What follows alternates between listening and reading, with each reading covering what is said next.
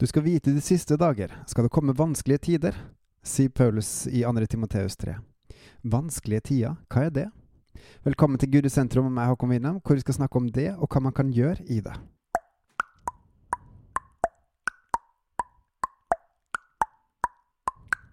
Du skal vite at i de siste dager skal det komme vanskelige tider. For da skal menneskene være selvopptatte og pengegriske, brautende, håmodige og spottende, ulydige mot foreldre, utakknemlige og uten respekt for det hellige, ukjærlige og uforsonlige, baktalende, ubeherskede, rå og ondsinnede, svikefulle, oppfarende og innbilske. De elsker nytelser høyere enn de elsker Gud, sier Paulus i 2. Timoteus 3. Hva er de siste dager? Uten tvil tida like før dommens dag, da kongen Jesus skal komme og dømme hver eneste en som har levd på jorda, etter de gjerninger han eller hun har gjort. Og kun de som tror på Jesus, går fri, fordi han tok synda på seg for oss. Halleluja, pris Herren. Lever vi de siste dager nå? Langt ifra, spør du meg, for til alle tider, på ulike plasser, har kristne forkynt at nå er nær. Men hemmeligheten om at alle folkeslag og jødene skal være ett gjennom trua på Jesus, er ennå ikke oppnådd, fordi alle, ikke alle folkeslag har fått høre evangeliet ennå. Det drøyer altså en stund til. Bare spør forfulgte kristne i Guds menighetavdeling Kina, eller Nord-Korea, eller ja, faktisk 80% av de som blir forfulgt i verden i dag, de er kristne. Så sjøl om forfølgelsen og trengslene kommer til Vesten, er det ennå ikke tid for dommens dag. Men Paulus og Johannes med flere i Bibelen påpeker en viktig ting. Lev som om i dag er den siste dagen, for å kunne frelse deg sjøl og andre. Vi vet jo ikke hvilken dag Gud far kommer heller, med dommens dag. Og det gjør faktisk heller ikke Jesus eller Den hellige ånd. Kan eh, den der lista fra 2. Timoteus likevel være gyldig? Så absolutt. Det er vel slikt som kjennetegner samfunn som ikke bare har vendt seg vekk fra Herren, men også hater det som er fra Han. Yoga-karta-prinsippene beviser det. Det her kan neppe være kun menneskelige krefter bak. Hva da med oss? La vi oss skitne til av denne verdens synder? Hvis vi skulle beskrevet kristne menigheter i dag, hva kunne passa på oss? Egenkjærlig? Pengekjære? Flere, kanskje? Hva med slike som elsker sine lyster høyere enn Gud? Jeg er redd svaret er verre enn hva vi tenker, for vi er jo ikke like ille som alle de andre. Men det er håp.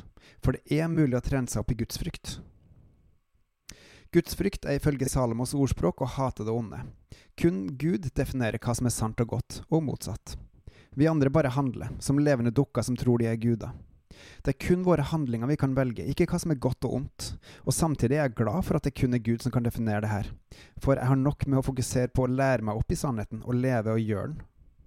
Og hvor finner man den? Jo, i Guds ord, altså både i Bibelen, som er Guds geniale bok med Hans ord til oss, samt alt han ellers også sier, enten vi andre mennesker eller direkte til oss. Og Det er jo nettopp derfor han har gitt oss sin Hellige Ånd, for at vi skal bli opplært i sannheten, lære Han å kjenne og le for Han og Hans rike. Elsker vi Han og våre brødre, da følger vi sannheten og lever etter Hans vilje. Men fristelsene er så stor. Jeg har så mye jeg skal gjøre, jeg trenger pengene, jeg må få levd livet mens jeg kan. Spørsmålet er hvem elsker vi mest?